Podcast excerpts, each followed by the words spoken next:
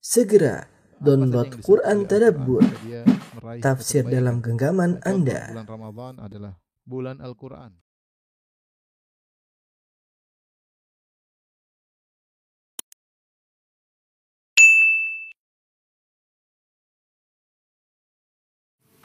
Bismillahirrahmanirrahim. Assalamualaikum warahmatullahi wabarakatuh.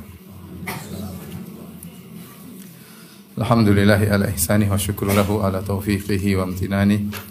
Wa asyhadu an la ilaha illallah wahdahu la syarika lahu ta'ziman li sya'ni wa asyhadu anna Muhammadan abduhu wa rasuluhu da'ila ridwani. Allahumma salli alaihi wa ala alihi wa ashabihi wa ikhwani. Ibu-ibu yang dirahmati oleh Allah Subhanahu wa taala, demikian juga para hadirin yang ikut hadir dalam pengajian kita kali ini. Puji dan syukur kita panjatkan kepada Allah yang memberikan kita karunia tiada henti-hentinya. Dan yang paling utama adalah karunia iman dan karunia mencintai majelis ilmu. Karunia kita menyadari bahwasanya kita masih banyak kekurangan sehingga harus diperbaiki sedikit demi sedikit ya.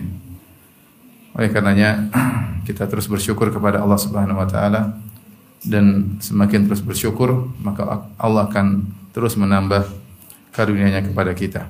Salawat dan salam semoga tercurahkan kepada junjungan kita Nabi Muhammad sallallahu alaihi wasallam dan juga kepada keluarganya serta seluruh sahabat beliau tanpa terkecuali. Pada kesempatan yang bahagia ini kita akan bahas atau bercerita sedikit tentang kisah empat wanita yang Allah sebutkan dalam surat At-Tahrim yaitu di akhir surat At-Tahrim ayat ke-10 hingga ayat ke-12. Allah Subhanahu wa taala berfirman, "Daraballahu mathalan lil ladzina kafaru imra'ata Nuhin wa imra'ata Lut. Kanata tahta 'abdaini min ibadina salihaini fa khanatahuma falam yughniya anhuma min Allahi syai'a wa qila dukhulan nar ma'ad dakhilin." Allah membuat istri Nuh dan istri Lut alaihi wassalam sebagai perumpamaan bagi orang-orang kafir. Keduanya berada di bawah penguasaan atau pengawasan dua orang hamba kami yang soleh di antara hamba-hamba kami. Lalu kedua istri itu berkhianat kepada kedua su- suaminya. Maka kedua suaminya itu pun tiada dapat membantu mereka sedikit pun dari siksa Allah. Dan dikatakan kepada kedua istri tersebut, masuklah ke neraka bersama orang-orang yang masuk neraka. Setelah itu Allah berfirman, "Wa daraballahu mathalan lil ladzina amanu imra'ata fir'aun." Dan Allah memberikan perumpamaan bagi orang yang beriman tentang istrinya Firaun. Idh qalat rabbi ibni li 'indaka baitan fil jannah. Ketika istrinya Firaun tersebut berdoa, "Ya Rabbku, bangunkanlah bagiku di sisimu istana di surga. Wa najjini min fir'auna wa 'amalihi min najjini wa najjini minal qaumidz zalimin." Dan selamatkanlah aku dari Firaun dan dari perbuatannya dan selamatkanlah aku dari orang-orang yang zalim. Ini wanita ketiga, wanita yang salehah, Asia bintu Muzahim, istrinya Firaun. Yang wanita keempat, Allah sebutkan wa Maryam badata Imran allati ahsanat farjaha. Dan Maryam putri Imran yang menjaga kemaluannya. Fanafakhna fihi min ruhina, kami pun tiupkan padanya dari ruh yang kami ciptakan itu Nabi Isa alaihissalam. Wa saddaqat bi kalimati rabbiha wa kutubih. Dan uh, Maryam membenarkan kalimat-kalimat Allah Subhanahu wa taala, kalimat-kalimat Tuhannya dan juga kitab-kitabnya wa kanat minal qanitin dan dia termasuk orang-orang yang taat. Inilah empat uh, wanita, dua di antaranya kafir dan dua di antaranya wanita mukminah. Yang pertama yang Allah sebutkan Daraballahu mathal ladzina kafaru Nuhin wa Lut. Allah berikan perumpamaan bagi orang kafir tentang istrinya Nabi uh, Nuh dan Nabi Lut.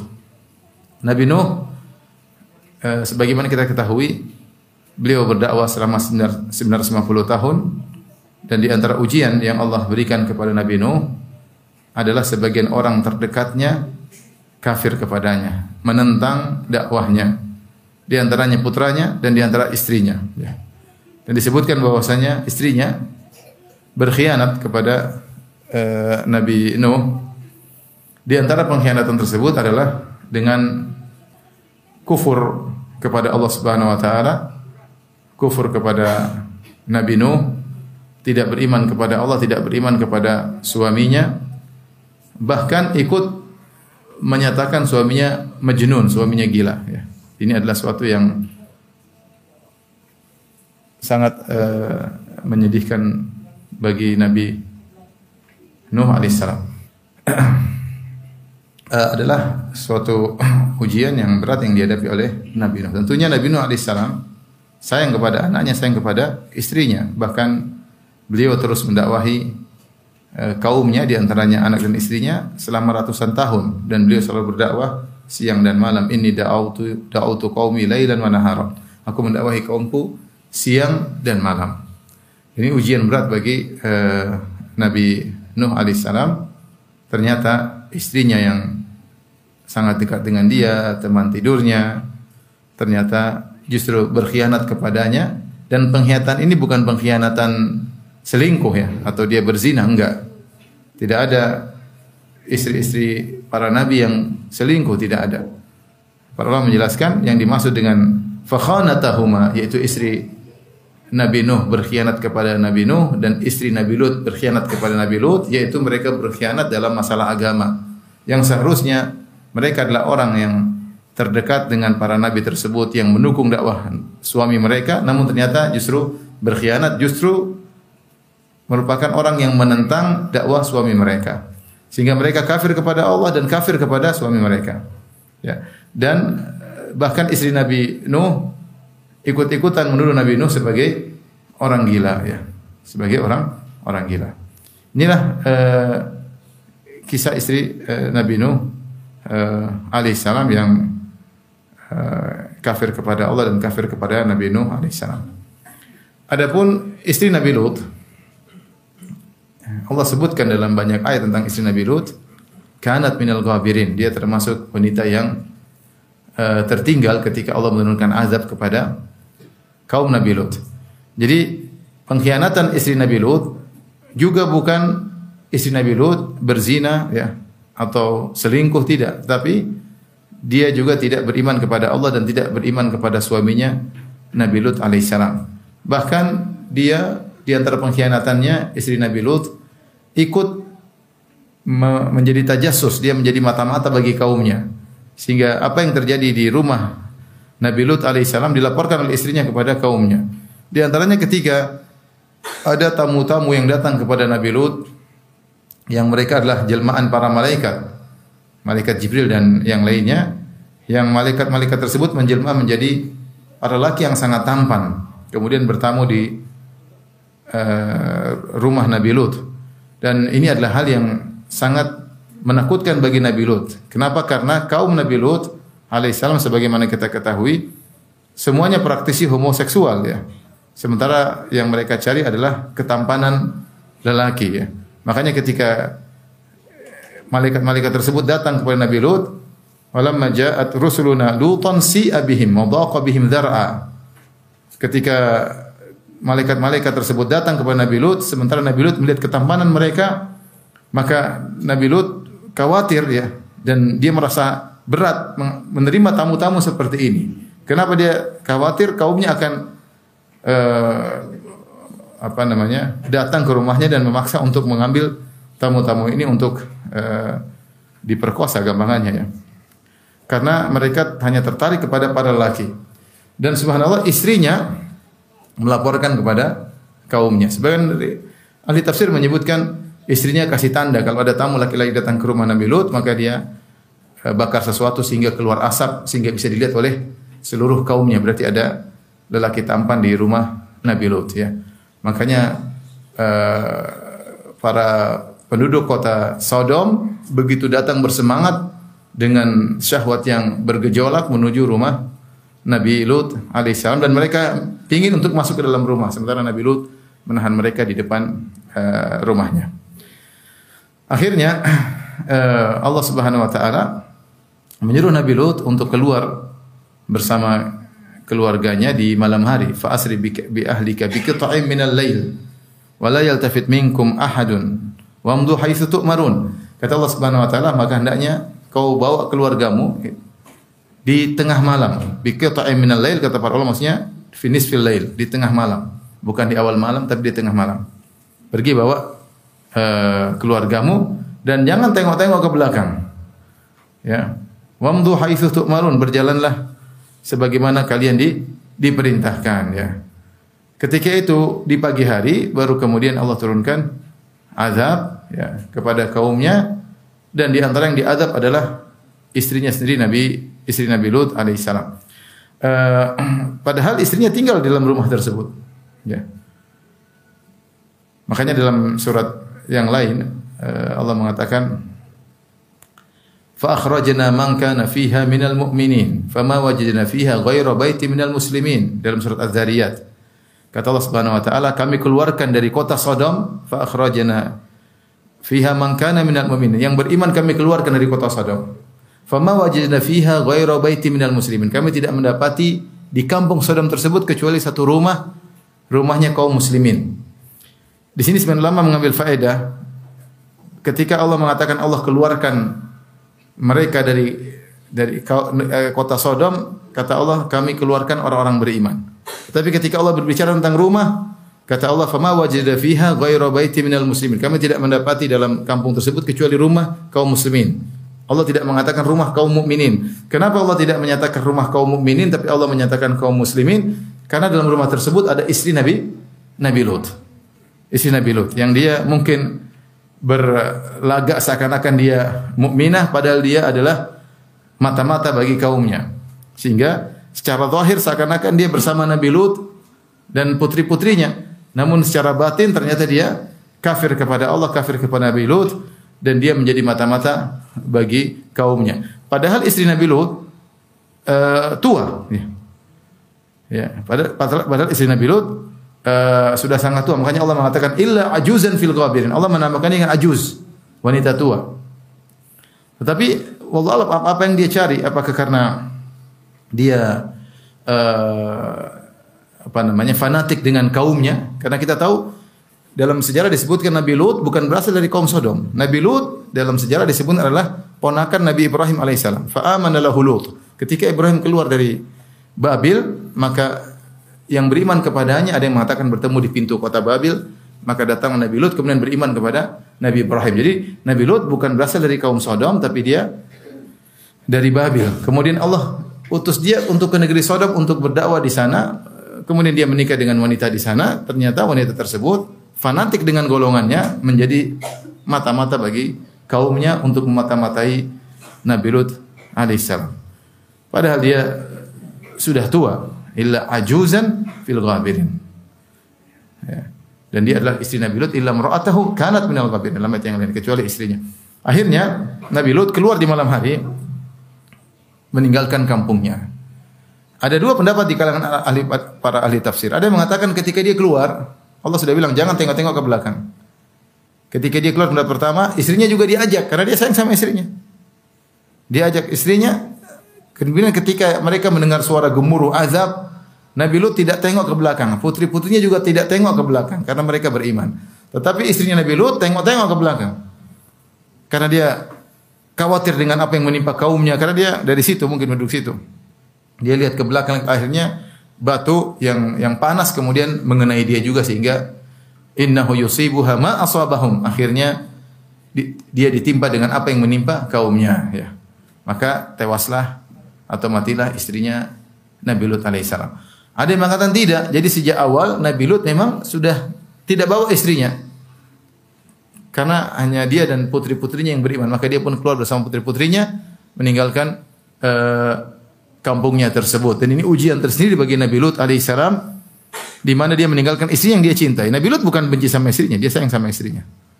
Tetapi istrinya uh, berkhianat dengan Eh, menjadi mata-mata bagi orang-orang kafir untuk mencari kesempatan ya kalau ada tamu-tamu yang tampan untuk dilaporkan kepada kaumnya e, tersebut. Ibu yang dirahmati Allah Subhanahu wa taala, inilah kisah sederhana yang singkat yang karena memang kita tidak dapati dalam penjelasan panjang tentang istri Nabi Nuh dan istri Nabi Lut. E, terkait dengan kedua istri ini ada beberapa faedah yang bisa kita ambil ya. E, yang pertama bahwasanya uh, hidayah di tangan Allah Subhanahu wa taala. Istri Nabi Lut dan istri Nabi Nuh diliputi dengan sebab-sebab hidayah. Bahkan sumber hidayah adalah orang terdekat mereka, suami mereka Nabi. Eh, Istri Nabi Nuh, suaminya Nabi Nuh, istri Nabi Lut, suaminya Nabi Lut. Dan eh, suami mereka sayang kepada mereka dan mendakwahi mereka dengan eh, apa namanya dengan tulus agar mereka beriman kepada Allah Subhanahu wa taala. Meskipun sebab hidayah sudah di depan mata, sudah sangat dekat, bukan bukan di depan mata dan sangat dekat. Namun hidayah di tangan Allah Subhanahu wa taala. Bahkan istri seorang nabi pun tidak dapat hidayah, ya. Oleh karenanya Nabi SAW pun tidak bisa memberi hidayah kalau Allah tidak kasih hidayah kepada seseorang. Ketika pamannya yaitu Abu Talib, paman Nabi SAW yang sangat disayang oleh Nabi SAW. Ibarat Abu Talib adalah ayahnya sendiri. Dan Abu Talib menyayangin Nabi SAW seperti putranya sendiri. Bahkan bisa jadi lebih cinta kepada Nabi daripada putra-putra kandungnya sendiri. Hari ini karena perangnya Nabi yang luar biasa, akhlaknya yang luar biasa. Dan kita tahu Abu Talib adalah saudara kandung bapaknya Nabi Abdullah. Sehingga kasih sayangnya kepada Nabi luar biasa. Seperti ayahnya sendiri. Ya. Dan Nabi pun sangat sayang. Sehingga Nabi begitu semangat mendakwahi pamannya. Apalagi pamannya sudah mengakui kebenaran Nabi Muhammad sallallahu alaihi wasallam ya. Ya, hanya saja dia tidak masuk Islam karena takut dicerca. Walaqad alimtu bi anna dina Muhammadin min khairi adyanil bariyati dina walaula al malamatu wa masab- masabbatin la wajadtani samhan bidzaka mubina. Sungguh aku telah tahu bahwasanya agama Muhammad adalah agama yang terbaik dari seluruh agama yang ada. Artinya di di Jazirah Arab itu ada Nasrani, ada Yahudi, ada Majusi, ada musyrikin dan dia sudah tahu yang terbaik agama ponakanku. Tapi kalau bukan karena aku khawatir dicaci maki, dihina-hina, tentu kau akan dapati aku sudah menerima agama tersebut dan terang-terangan. Namun gara-gara dia takut dicerca dan dihina, akhirnya tidak mau masuk Islam. Ya. Sampai ketika wafat Abu Talib, Nabi pun sedih. Allah pun turunkan ayatnya, ya innaka la tahdi ahbabta, walakin Allah yahdi man yasha.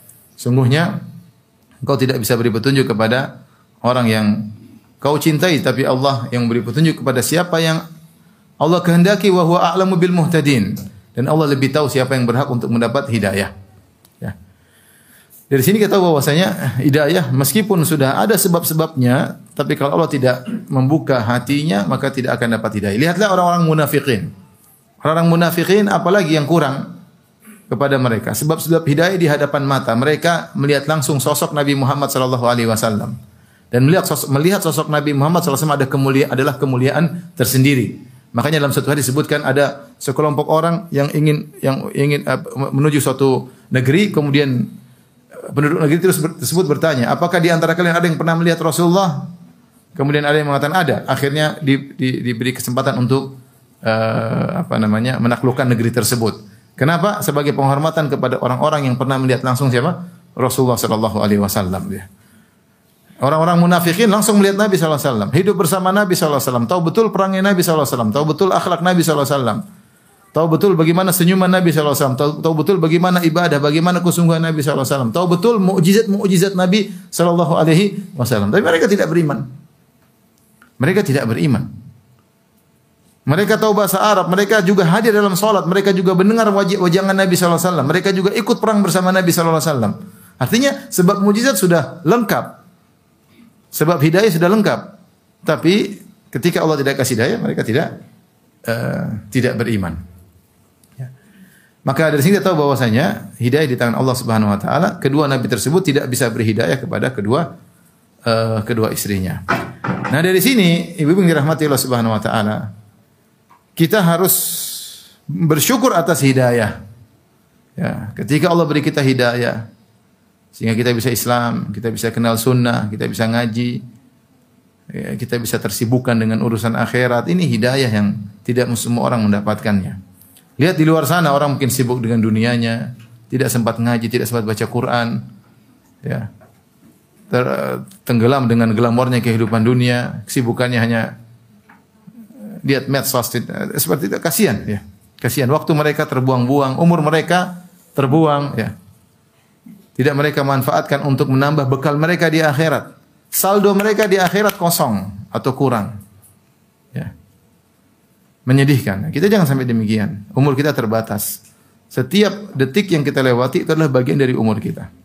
Mau kita buang terserah atau mau kita manfaatkan untuk memperbanyak saldo kita di akhirat, aset kita di akhirat terserah kita. Maka hidayah adalah uh, sangat mal harus disyukuri oleh kita ya. Makanya Nabi SAW ketika dalam perang Khandaq berkata, Laulallah mahtadaina wala sallaina wala tasaddaqna. Kalau bukan karena Allah kami tidak dapat hidayah dan kami tidak bisa salat dan kami tidak bersedekah. Semua yang bikin saya dapat hidayah Allah, yang bikin saya bisa salat kata Nabi sallallahu Allah, yang bikin saya terbetik terbuka hati untuk bersedekah Allah Subhanahu wa taala. Oleh karenanya orang beriman ketika masuk surga apa yang mereka mengatakan? Wa qalu alhamdulillahilladzi hadana li hadza wa ma kunna linahtadiya laula an hadana Allah. Mereka berkata, segala puji bagi Allah yang telah memberi petunjuk kepada kami sehingga kami bisa sampai surga. Wa ma kunna linahtadiya, sungguh kami tidak dapat hidayah laula an hadana Allah kalau bukan Allah beri hidayah kepada kami. Ini nikmat yang kelihatannya sepele tapi jangan disepelekan. Ini nikmat yang luar luar biasa. Hidayah di tangan Allah. Uh, lihat contoh dua wanita ini yang di sekelilingnya sumber hidayah sebab hidayah namun mereka berdua tidak dapat hidayah. Kemudian di antara faedah yang bisa kita ambil dari kisah dua wanita yang pertama ini wanita kafir bahwasanya Eh, kedekatan mereka terhadap wali-wali Allah, kedekatan mereka secara kekerabatan kepada para nabi tidak bermanfaat bagi mereka. Tidak bermanfaat bagi mereka ya. Padahal secara uh, secara hukum mereka adalah kerabat, istri. Istri mereka adalah istri sang nabi. Mereka adalah ibu daripada anak-anak nabi ya. Ya. Tetapi kekerabatan tersebut tidak bermanfaat sedikit pun tidak memberi manfaat. Tidak bisa menunda azab yang turun kepada mereka dan tidak bisa menurunkan derajat uh, siksaan mereka di neraka. Makanya dalam ayat Allah mengatakan waqila dakhulan nara ma'ad. Maka dikatakanlah kepada mereka berdua istri Nabi Nuh dan istri Nabi Lut, waqila dakhulan nara masuklah kalian berdua ke dalam neraka ma'ad dakhilin, langsung bersama orang-orang yang masuk. Bukan kalian belakangan karena kalian istri Nabi belakangan enggak. Kalian langsung masuk bersama yang lainnya untuk menekankan dan menjelaskan bahwasanya eh, status mereka berdua sebagai istri-istri Nabi tidak mengurangi adab yang Allah berikan kepada mereka. Status mereka berdua sebagai istri Nabi tidak menunda mereka atau meringankan siksaan mereka di neraka jahanam. Justru mereka kata Allah, masuklah wa qila dakhulan nara ma'ad dakhilin. Masuklah kalian berdua bersama orang yang masuk itu sejak awal sudah masuk. Makanya nasihat kepada kita bosnya kedekatan kita kepada seorang yang soleh, hubungan kekerabatan kita dengan orang yang soleh, apa itu orang soleh tersebut kakak kita, adik kita, anak kita, orang tua kita, suami kita, istri kita, tidak ada faedahnya kalau kita sendiri tidak beriman kepada Allah Subhanahu wa taala. Ya. Ingat firman Allah Subhanahu wa taala, "Fa idza ja'atis sakhah yauma yafirul mar'u min wa ummihi wa abihi." Wa sahibatihi wa bani. Likulli imri'in minhum yawma idzin sya'nu yughni. Ketika ditiup sangkakala, maka seorang akan lari dari saudaranya, dari ayah dan ibunya, kabur dari istrinya, kabur dari anaknya. Masing-masing punya urusan, urusan sendiri. Maka tidak boleh seorang bersandar, Islam tidak mengajarkan kamu kalau mau selamat bersandar kepada orang itu enggak ada dalam ajaran Islam. Masing-masing dengan amal solehnya sendiri.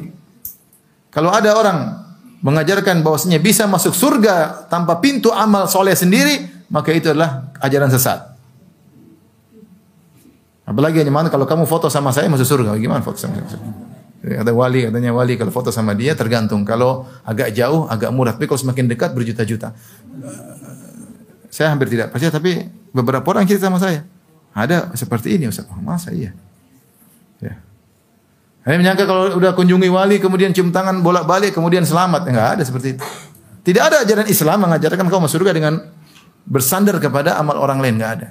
Yang buat kamu masuk surga atau masuk neraka amalmu sendiri. Amalmu sendiri. Maka tidak ada ceritanya, oh saya dekat sama ustadz, nanti kemudian tidak ada ya. Kamu dekat sama ustadz supaya kamu bisa beramal soleh. Bukan kamu dekat-dekat kemudian kamu selamat. Justru tegak hujah kepada kamu. Sudah dekat dengan orang soleh, kamu malah tidak beramal soleh. Ya. Lihatlah istri Nabi Lut dan istri Nabi Nuh. Tidak ada faedahnya status mereka sebagai istri-istri Nabi. Tidak ada faedahnya. Ketika mereka sendiri tidak memperbaiki amal soleh, amal soleh mereka ya. Oleh karena kalau ada dai yang mengiming-iming bahwasanya tenang, tenang nanti di surga saya gini-gini. Ya, dia sendiri belum tentu masuk surga. Tenang, nanti sebelum saya masuk surga, kalian dulu masuk surga semua. Semua murid saya semua masuk surga dulu. Nanti saya yang terakhir.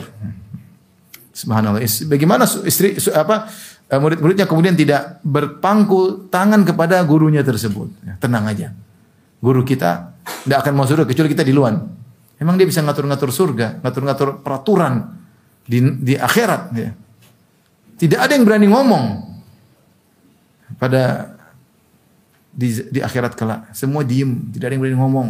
Semuanya membisu. Tidak kau dengar kecuali Hamzah, kecuali bisik-bisik. Tidak ada yang. Semua Nabi takut ketika itu. Kemudian ini satu orang ngaku wali bilang, oh tenang, tenang, nanti kalian masuk dulu. Saya belakangan. Begitu muridnya semua sudah masuk, dia masuk, pintu surga ditutup. sudah penuh, masuk neraka. Ngawur aja yang bilang, bilang, kamu aja belum masuk surga, mau jamin-jamin orang. Ya. Oleh karenanya, seorang jangan terpedaya dengan kedekatannya dengan sosok yang soleh, siapa pun dia. Apakah itu anaknya, apakah itu orang tuanya, apakah itu suaminya, apakah itu istrinya, apakah itu teman temannya, apakah itu adalah eh, sahabatnya, atau itu ustadznya, hendak masing-masing tergantung amalannya, masing-masing tergantung amalannya. Ya. Kata Allah wali kullin darajatun mimma amilu. Masing-masing punya derajat berdasarkan amalannya. Bima amilu. Ya. Innama tujzauna ma kuntum ta'malun. Sungguhnya kalian dibalas dengan amal kalian, perbuatan kalian. Udkhulul jannata bima kuntum ta'malun. Masuklah kalian karena amal kalian yang kalian lakukan. Ya.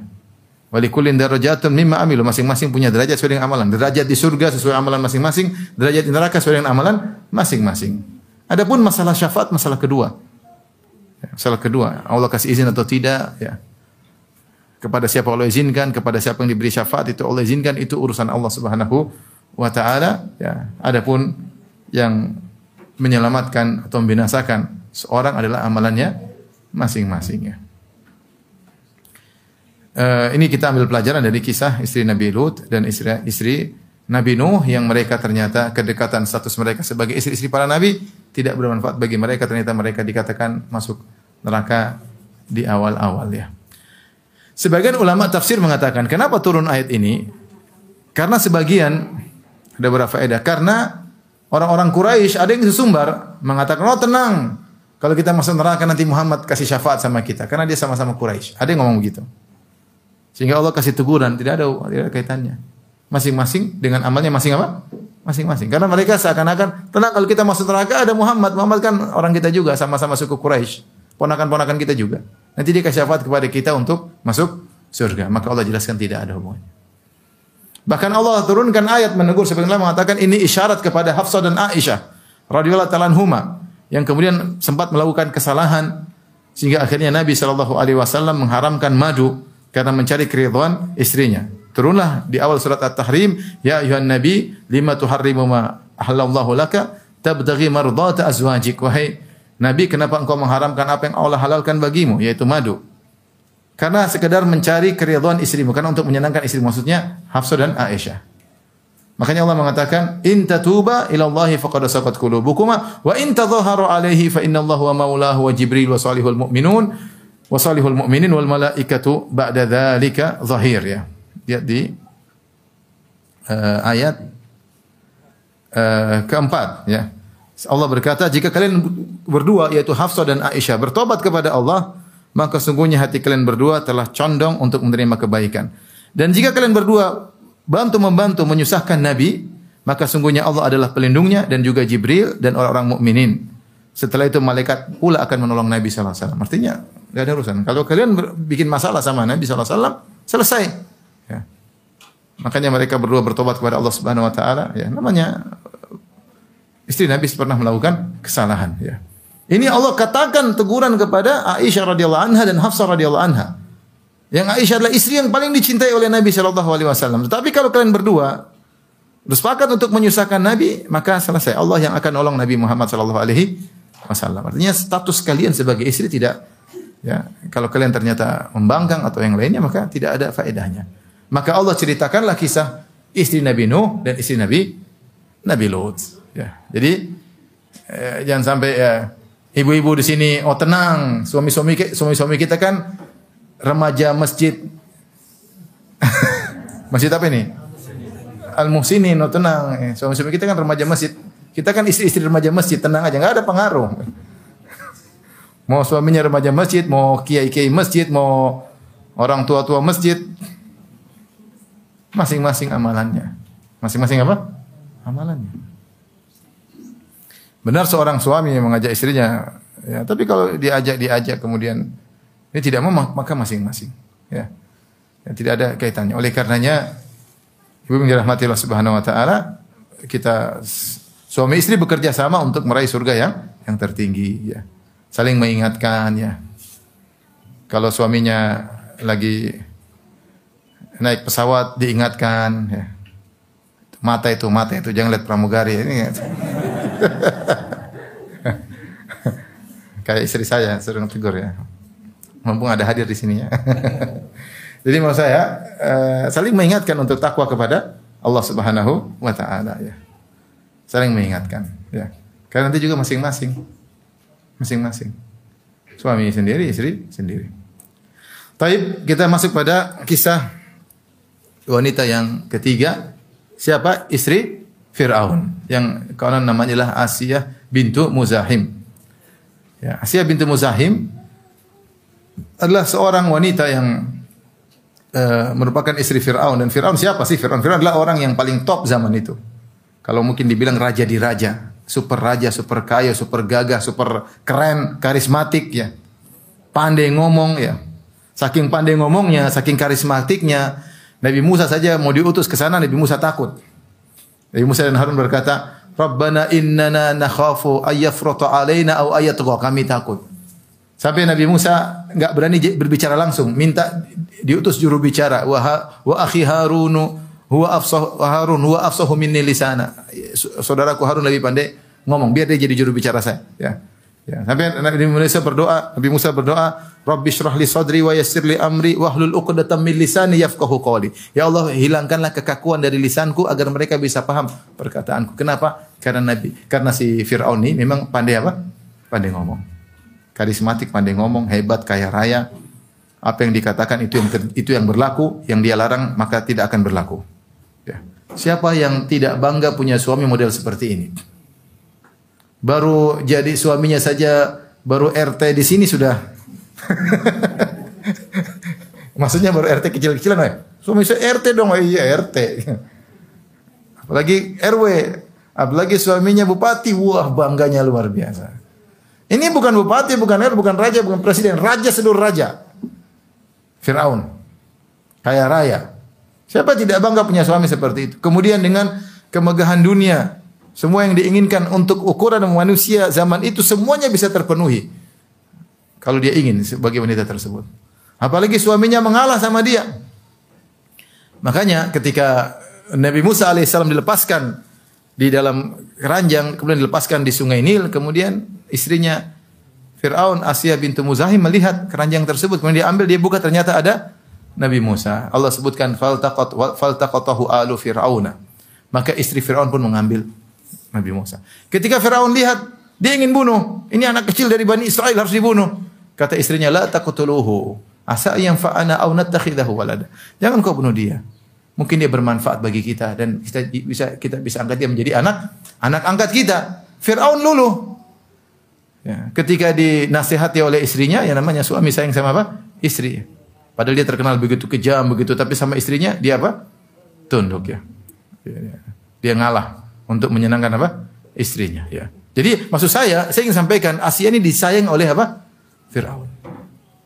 Disayang, dimanja, dibuat happy kehidupannya ya. Sampai Firaun tidak jadi bunuh si kecil Musa gara-gara istrinya bilang, "La taqtuluhu, jangan bunuh." Tapi subhanallah, perkataan dia bermanfaat dia mengatakan? Asa an yanfa'ana. Semoga anak ini bermanfaat bagi kita di suatu hari dan benar ternyata bermanfaat bagi dia, dia menjadi orang beriman. Dia menjadi apa orang? Orang beriman. Akhirnya dia beriman. Akhirnya ketahuan keimanannya. Maka Fir'aun pun ngamuk. Ya, ada suatu hal yang aib.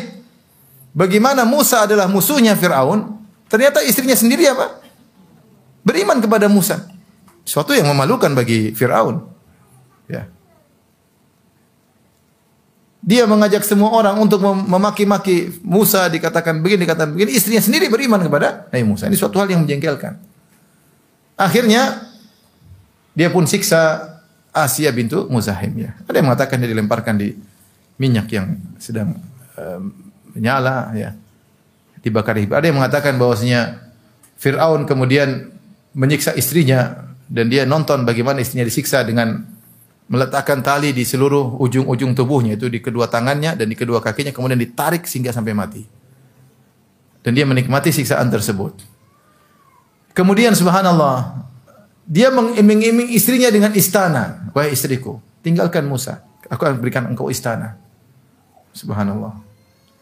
Iming-iming luar biasa. Jadi sudah kaya raya diiming-iming lagi dengan kekayaan yang luar biasa. Saat itu kemudian dia memilih Allah. Dia mengatakan, Rabbi binili indaka baitan fil jannah.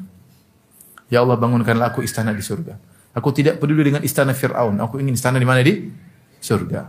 Wa najjini min Fir'aun wa amali. Selamatkanlah aku dari Fir'aun amalnya dan perbuatannya. Wa najjini minal zalim. Maka Allah ambil nyawanya sebelum dia di sebelum dia mati. Ini sebagian penjelasan sebagian ahli ahli tafsir. Tapi intinya lihat bagaimana Asia bintu Muzahim mendahulukan kehidupan akhirat daripada dunia yang di depan matanya. Ya, daripada dunia di depan matanya. Ya. Dia rela berpisah dari suaminya yang keren, yang karismatik, yang gagah, yang paling terkaya ketika itu hanya untuk beriman kepada Allah Subhanahu wa taala. Meskipun resikonya besar dia tetap memilih Allah Subhanahu wa taala. Nah, kita lihat juga faedah dari kisah Asia bintu Muzahim. Subhanallah, ternyata dia berada di lingkungan yang semuanya tidak ada sumber hidayah. Tidak ada sebab hidayah. Tinggal di Fir'aun, di bala tentaranya, tidur sama Fir'aun. Tapi kalau Allah kasih hidayah, bisa saja. Allah ketuk hatinya, Allah buka hatinya, kemudian dia apa? Beriman. Ya. Dan itu banyak terjadi untuk untuk membuktikan kepada kita bahwasanya hidayah di tangan Allah. Terkadang kita seorang sebab hidayah tidak ada. Tapi ternyata Allah beri hidayah kepada dia. Ya. Saya ketemu dengan uh, Syekh uh, Syekh Saleh Sindi, hafizahullah taala, ini cerita bagaimana ada seorang mahasiswa di Universitas Madinah, kalau tidak salah S3 menulis risalah disertasi bantahan terhadap ateis, ya. Dia sendiri bapak ibunya kafir, dia di Swedia kalau tidak salah. Jadi tidur, tinggal di suatu negara yang non muslim, bapak ibunya kafir, kemudian dia dapat hidayah bahkan menulis sampai S3 di Madinah sampai menulis buku membantah pemikiran apa? Ateis. Termasuk kawan saya juga Tohir Wayat ya, beliau juga ya, eh, saya ngobrol sama dia bilang dulu saya saya Nasrani secara KTP, tapi pemikiran saya ateis. Bahkan saya mengateiskan orang. Ini ngobrol, nggak beriman, nggak beriman dengan Tuhan. Ngobrol sana, ngobrol sini, ngobrol sini. Subhanallah kasih apa? Hidayah. Hidayah di tangan Allah Subhanahu wa taala. Meskipun ya tidak ada sumber hidayah, tidak ada sebab hidayah, tapi kalau Allah kasih hidayah, orang orang bisa dapat hidayah. Oleh karenanya kita jangan putus asa dengan seseorang, berdoa saja. Lihat bagaimana bengisnya atau apa namanya tegasnya Umar bin Khattab radhiyallahu anhu. Bahkan Abu Jahal ya. Dua-duanya kejam waktu itu sama kaum muslim. Tapi Rasulullah SAW berdoa. Ya. Allah Mahdi, ya, ya Allah beri hidayah kepada salah satu di antara keduanya. Abu Lahab, eh, Abu Jahal atau Umar bin Khattab. Nabi Nabi masih sempat-sempatin doain siapa? Abu Jahal. Kemudian setelah itu Nabi berdoa secara khusus ya Allahumma Allahumma hdi Umar bin Khattab. Ya Allah berilah hidayah kepada Umar bin Khattab radhiyallahu taala anhu. Akhirnya dapat dapat hidayah ya. Akhirnya dapat hidayah. Kemudian juga kita bisa ambil faedah tentang kisah istri uh, Fir'aun bahwasanya bagaimana dia menyadari kehidupan dunia hanyalah sementara. Sehingga meskipun dia harus meninggalkan kelezatan dunia, kenikmatan dunia, meskipun dia harus meninggalkan istana yang megah dan mewah dengan pelayan yang begitu banyak, kemudian dia berpindah suatu tempat, kemudian diikat untuk disiksa, dia lebih memilih untuk meninggalkan semua kemegahan dan kemewahan tersebut karena iman kepada Allah Subhanahu wa taala. Ketahuilah bahwasanya dalam menjalankan keimanan kepada Allah Subhanahu wa taala terkadang ada ujian-ujian. Meskipun ujian kita tidak seperti mereka, tapi ada ujian-ujian. Harus ada pengorbanan, ya. Entah dimusuhi keluarga, entah harus meninggalkan kemewahan dunia, ya. Entah harus meninggalkan pertemanan yang eh, menyenangkan ya demi untuk menjaga akidah kita, demi untuk menjaga agama kita, maka terkadang harus kita lakukan. Ya, karena kita tahu kehidupan dunia hanyalah sebentar. Ya. Setelah itu kita akan merasakan hasil dari segala amal yang kita lakukan di dunia ini. Kemudian wanita yang keempat adalah Maryam bintu Imran. Kisahnya ma'ruf sampai ada surat surat Maryam. Ya. Allah sebutkan wa Maryam bintu Imran allati ahsanat farjaha. Di antara sifat yang sering Allah sebutkan, yang sering Allah sebut tentang Maryam adalah Maryam binti Imran yang menjaga kemaluannya. Kenapa Allah ulang-ulangi ini? Maryam yang menjaga kemaluannya. Karena orang-orang Yahudi menuduh Maryam berzina dengan Yusuf bin, bin Najjar atau Yusuf Nazaret ya. Dituduh bahwasanya dia berzina maka keluarlah Nabi Isa. Isa alaihissalam adalah anak zina. Maka Allah menjelaskan bahwasanya tidak demikian. Justru Maryam adalah wanita yang sangat soleha yang benar-benar menjaga kemaluannya dan menjauhi segala sebab yang bisa menimbulkan perzinahan. Sampai ketika Allah sebutkan tentang datangnya malaikat Jibril Kata Allah Subhanahu wa taala, "Wadhkur fil kitabi Maryam idzin tabadat min ahliha makanan syarqiyya. Fattakhadhat min dunihim hijaban fa arsalna ilaiha ruhana fatamatsala laha basharan sawiyya." Ketika Maryam menjauh dari keluarganya untuk beribadah kepada Allah, dia fokus beribadah kepada Allah Subhanahu wa taala, maka dia mengambil hijab yaitu penghalang dari kerumunan orang, dia ingin bersendirian. Kata Allah, fa arsalna ilaiha ruhana, maka kami pun utus kepadanya Jibril Fatamatsala laha sawiyya. Maka Jibril kemudian menjelma menjadi seorang yang tampan. Tiba-tiba masuk di ruangan Maryam, tempat dia bersendirian untuk beribadah.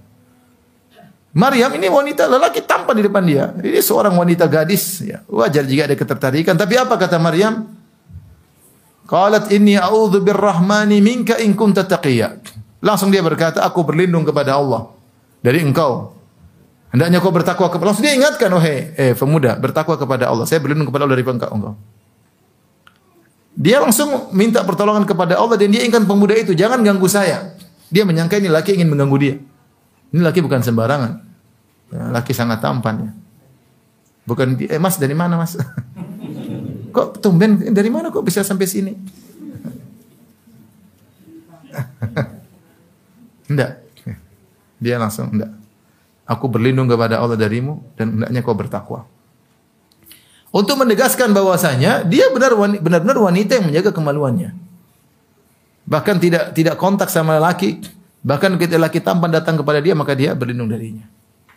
Maka tidak benarlah tuduhan orang-orang Yahudi yang mengatakan dia wanita pezina. Ya, Fanafakhna fihi min rohina. Kemudian kami anak yang muncul di perutnya janin yang ada dalam perutnya bukan hasil perzinahan.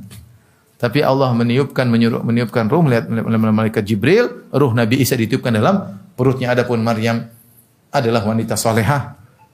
Benar-benar menjaga kemaluan dengan dengan benar makna benar-benar menjaga, benar-benar menjaga. Segala sebab yang mengantarkan pada perzinahan, maka dia jaga. Ketahuilah bahwa sebab-sebab perzinahan banyak. Sebab-sebab perzinahan banyak. Makanya Allah mengatakan wala taqrabu zina. Jangan kalian dekati zina. Dan sebab perzinahan itu bisa dari mata, bisa dari telinga, bisa dari lisan, bisa dari tangan. Makanya Allah mengatakan dalam hadis Nabi SAW mengatakan apa? Dalam hadis kata Rasulullah SAW, kataba libni Adam hadzahu minaz zina mudriku dzalik la mahala lahu. Sungguhnya Allah telah menetapkan pada anak Adam pasti kecipratan zina. Dia pasti kecipratan dan tidak mungkin dia terhindar dari kecipratan tersebut. Kok bisa? Kata Nabi SAW, Al-ainani tasniyan. Sungguhnya kedua mata berzina. Wa zina huma nazar dan zina mata adalah dengan memandang, mandang lawan jenis, memandang hal-hal yang menimbulkan syahwat yang membuat tertarik menuju pada perzinahan. Zina mata. Wal udhunani tazniyan wa zina huma sama atau istima dan kedua telinga berzina dan zinanya mendengar, dengar uh, apa namanya? Eh, lagu-lagu uh, cinta, dengar bencana-bencana yang menimbulkan syahwat ya, mendengar omongan perempuan, omongan lelaki yang menimbulkan syahwat ini zina. Ada kelezatan. Makanya sebagian orang, ini kenyataan. Nelpon ada seorang, saya ada orang pernah depan saya nelpon istri orang. Nelponnya lama sampai setengah jam. Ini zina telinga, paham? Kok bisa betah ngobrol sama istri orang? Berarti kan enak dengarnya. Tidak seperti kalau dengar suara istrinya yang pedis ya. Dengar suara istri orang manis, indah, ini betah ngomong setengah jam. Tidak mungkin dia betah kecuali dia merasakan kelezatan. Itulah zina pendengaran. Bukan cuma dengar-dengar lagu-lagu cinta aja yang bikin syahwat ya. ya. Enggak. Membuat terbayang macam-macam mengantarkan orang pada perzinahan. Ya. Tangan juga berzina. Baca menyentuh, mengusap, mengelus, mengetik rayuan. nah, Maryam bintu Imran jauh dari itu semua. Enggak ada dia, sedikit pun enggak ada dia. Allati ahsanat farjaha. Allah puji dia karena dia menjauhkan dirinya dari segala sebab perzinahan. Nah, ibu-ibu di zaman sekarang harus hati-hati. Semua jangan kemudian buka-buka Facebook lihat kawan lama. Apalagi kekasih lama. Apalagi bilang cinta pertama susah dilupakan. Wah, ini awal-awal zina, zina mata. Kemudian status ternyata, uh, dia sudah cerai. Wah. Repot. Nah, kita lagi ribut sama suami, wah repot. Mulai kontak gimana kabarnya? Akhi. Setan mulai masuk. Kalau pingin seperti Maryam, semua ini tinggalkan. Nggak ada. Tutup pintu. Tutup segala pintu. Kalau ingin seperti siapa? Maryam bintu Imran. Allati ahsanat farjaha. Allah puji dia karena dia benar-benar menjaga kemaluannya dan menjaga seluruh hal yang bisa mengantarkan kepada perzinahan. Dia tidak lakukan sama sekali. Ya. Uh, dan sifat Maryam apa? Fanafakhna fi wa saddaqat bi kalimati rabbiha dan dia membenarkan firman-firman Allah wa kutubihi dan juga kitab-kitab suci Allah. Wa kanat minal qanitin dan adalah seorang wanita yang uh, yaitu yang uh, taat, suka beribadah. Ya. Makanya di antara sifat wanita salih adalah fasalihatu qanitatun hafizatun lil ghaib. Wanita salih qanitat. Qanitat adalah orang yang rajin beribadah. Kalau ibadah jangan buru-buru, qanitat. Kunut, kunut itu menunjukkan ibadah, taat, lama. Jangan buru-buru kalau beribadah, ya. Kalau sholat tenang, santai, sholat, habis sholat zikir, subhanallah, subhanallah, subhanallah, alhamdulillah. Jangan langsung lihat WA. Jangan. Zikir, selesaikan zikirnya, sholat selesai. Qobliyah kalau bisa, ba'diyah kalau bisa. Ya. Kita hidup buat apa ibu-ibu? Ntar lagi, ntar lagi udah tua. Jangan kan ntar lagi, sekarang aja udah tua ya. Udah ke salon juga ndak cantik-cantik, tetap aja ya. Muka sudah kasih spidol tetap aja tidak menarik. Udah semua ngapain lagi? Udah mau jadi bidadari, mau menuju wanita tercantik, salonnya ibadah. Ibadah, sholat, doa, nurut sama suami. Bismillah jadi bidadari. Tapi kalau membangkang, angkat suara, bikin pusing suami, jadi bidadari dari gua hantu.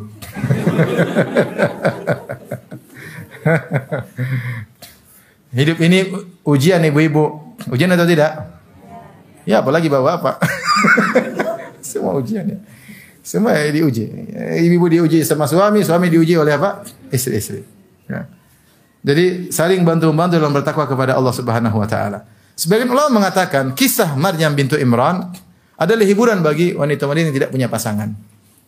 Meskipun tidak punya pasangan, mereka bisa masuk surga. Entah gadis tua, entah perawan tua, menunggu lamaran tidak ada yang lamar ya atau sudah ada yang lamar tetapi akhirnya gagal melulu ya. Ya ujian hidup ya. Ada wanita yang dilamar tapi gagal melulu. Ada laki-laki yang melamar ditolak melulu. Ada juga macam-macam. Orang diuji. Dalam kesendiriannya dia bisa bertakwa kepada Allah. Atau wanita-wanita yang menjanda yang sudah suaminya meninggal ya. Ternyata dalam kesendirian juga seorang bisa bertakwa kepada Allah Subhanahu wa taala. Sebagian sahabiat memilih menjanda. Mungkin dia merasakan ketaatan di balik kesendiriannya tersebut. Masing-masing punya kecenderungan. Tapi maksudnya uh, Allah memberikan contoh tentang wanita yang dalam kesendiriannya ternyata bisa menjadi wanita yang uh, solehah. Ya. Uh, kita nggak tahu ya. Terkadang seorang tiap hari sholat malam berdoa supaya dapat pasangan. Ya. Dia merasa teman-temannya sudah punya pasangan, dia sendiri sedih. Begitu dapat pasangan, suaminya kurang ajar ya ter, ter, tiap hari tersiksa, tiap hari menderita, KDRT dan yang lain.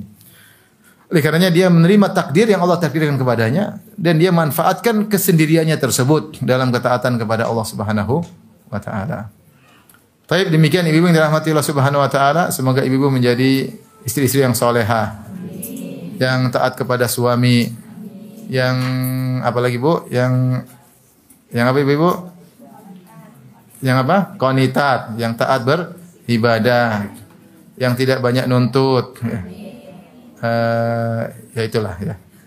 Yang sabar, ya, sabar ya. Insya Allah ibu-ibu dikumpulkan bersama suami ibu-ibu di surga kelak. Amin ya rabbal alamin. Ya.